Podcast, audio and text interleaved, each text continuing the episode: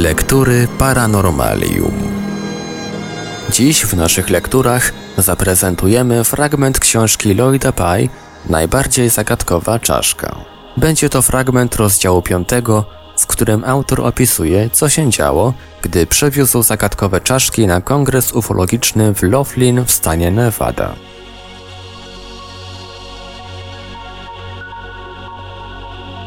Bankiet kończący kongres ufologiczny jest na wpół oficjalny. Mężczyźni zakładają marynarki i krawaty, kobiety noszą wieczorowe suknie i nakładają wszystkie barwy wojenne oraz przeozdabiają się biżuterią.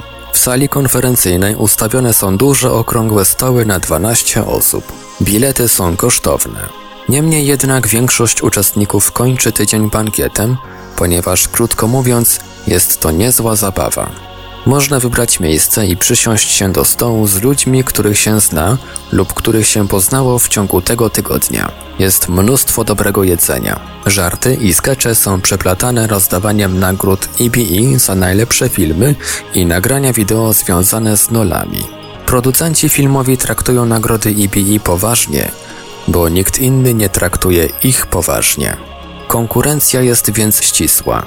Jeśli nie bawicie się dobrze na bankiecie kongresu ufologicznego, to znaczy, że się niezbyt staracie. Wkroczyłem w tę radosną atmosferę, dzierżąc pudło z czaszkami. Schowałem je pod podium, by móc go pilnować w oczekiwaniu na swą kolej. Jak na ironię, moje przemówienie wypadało akurat po tym, gdy Mark Bean po raz kolejny zaprezentował swe barwne przedstawienie z miotaniem iskier wokół zgromadzonych. Trudno było mu dorównać, choć udało mi się to w ubiegłym roku, kiedy to opowiedziałem swą zabawną historię z Brettem Favrem. Tym razem nie miałem do powiedzenia nic zabawnego. Bob przedstawił mnie zgromadzonym, wyjaśniając, że pokażę im dzisiaj coś wyjątkowego. Coś, co sprawi, że nie opowiem żadnej zabawnej historyjki.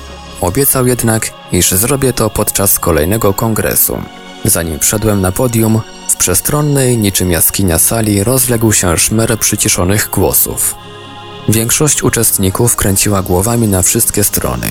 Zmieszani spoglądali na współtowarzyszy przy stole. Wiele osób, które wcześniej znały już moje plany, uspokajało wzruszenia ramion i zachrypłe mamrotania innych.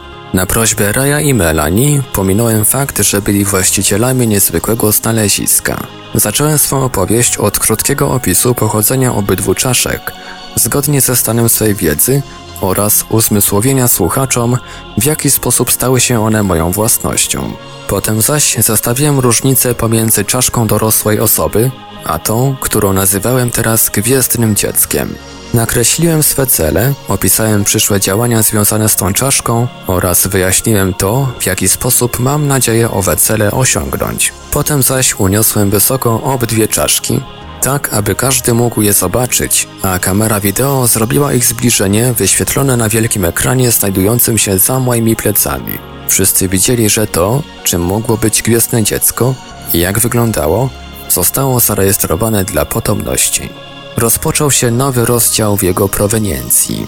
Gdy już każdy obejrzał dokładnie fotografię czaszek, wyświetliliśmy na ekranie zdjęcia rentgenowskie i zacząłem omawiać każdą parę obrazów, powtarzając to, co wedle Marka i Chris powiedzieli im eksperci. Na wyjaśnianie różnic pomiędzy każdą parą zdjęć poświęciłem tyle czasu, ile mogłem wygospodarować w ramach przyznanego mi limitu. Zanim doszedłem do konkluzji, musiałem powiedzieć coś, co z całą pewnością nie mogło zostać dobrze przyjęte. Tkwiło to jednak we mnie niczym bolesna drzazga i nie miałem zamiaru wyjeżdżać z Laughlin bez jej usunięcia. Reasumując, chciałbym zapewnić, że zdaję sobie w pełni sprawę z tego, jak wielką odpowiedzialność biorę na siebie. Przyjmuję ten fakt z takim samym zrozumieniem i powagą, z jakimi i wy byście go przyjęli, będąc na moim miejscu. Niemniej stoję przecież na swoim miejscu, więc muszę wam coś powiedzieć prosto w twarz, czego być może nie zaakceptujecie. Nie jestem gotów, by umrzeć za tę sprawę. Jestem skłonny ciężko dla niej pracować i to pilnie, ale nie umierać. Mówię to, ponieważ w ciągu tego tygodnia rozmawiałem z wieloma z Was. Zapewniano mnie, że rząd będzie zdeterminowany, by pozbawić mnie tych czaszek gdy tylko się dowie, że nimi rozporządzam. Ci, którzy mi o tym wspominali, wiedzą o kim mowa, a wielu innych powiedziałoby mi to samo, gdyby tylko wiedzieli przed dzisiejszym wieczorem, że jestem ich właścicielem. Czy mam rację? Przy wszystkich stolikach w całej sali ludzie zaczęli kiwać głowami. Wszyscy, z którymi rozmawiałem, zdają się zgadzać, że działania, które podejmuję, są w najlepszym razie pochopne, a mogą łatwo stać się wręcz niebezpieczne. Mając to na względzie, chciałbym coś tu i teraz ogłosić. Przerwałem na chwilę i spojrzałem na dwóch mężczyzn, co do których zapewniano mnie, że są agentami rządowymi, monitorującymi działalność w naszej dziedzinie. Ludzie tacy jak oni uczęszczali na wszystkie większe zjazdy na całym świecie. W czasie swych podróży widywałem ich kilkakrotnie i obu ich polubiłem. Zachowywali się nadzwyczaj kulturalnie i wygrywali z każdym w konkurencji picia jak największej ilości alkoholu.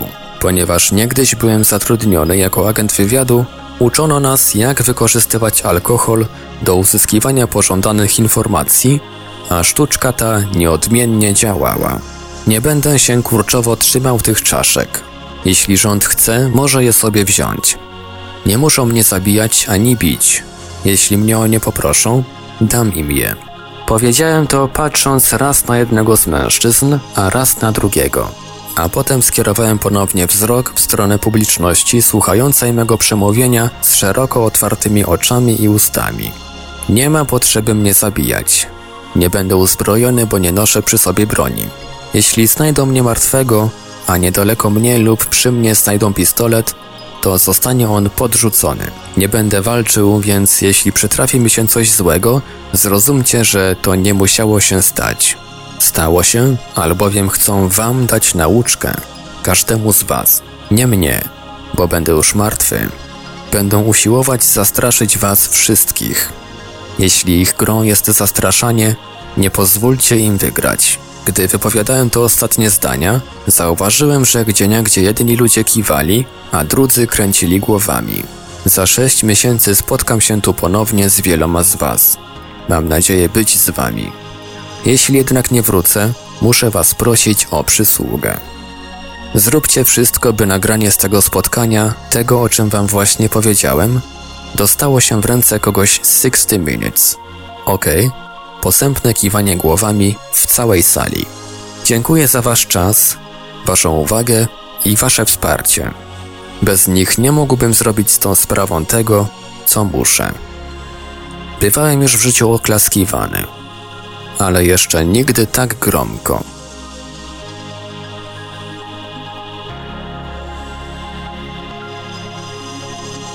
Był to fragment książki Lloyda Pye Najbardziej zagadkowa czaszka. Czytał Ivelios. Książkę na polski rynek wydało wydawnictwo Cień Kształtu. Książka dostępna jest do kupienia na stronie wydawnictwa Cień Kształtu www.cieńkształtu.pl oraz w księgarni internetowej Nieznanego Świata www.nieznany.pl. Lektury Paranormalium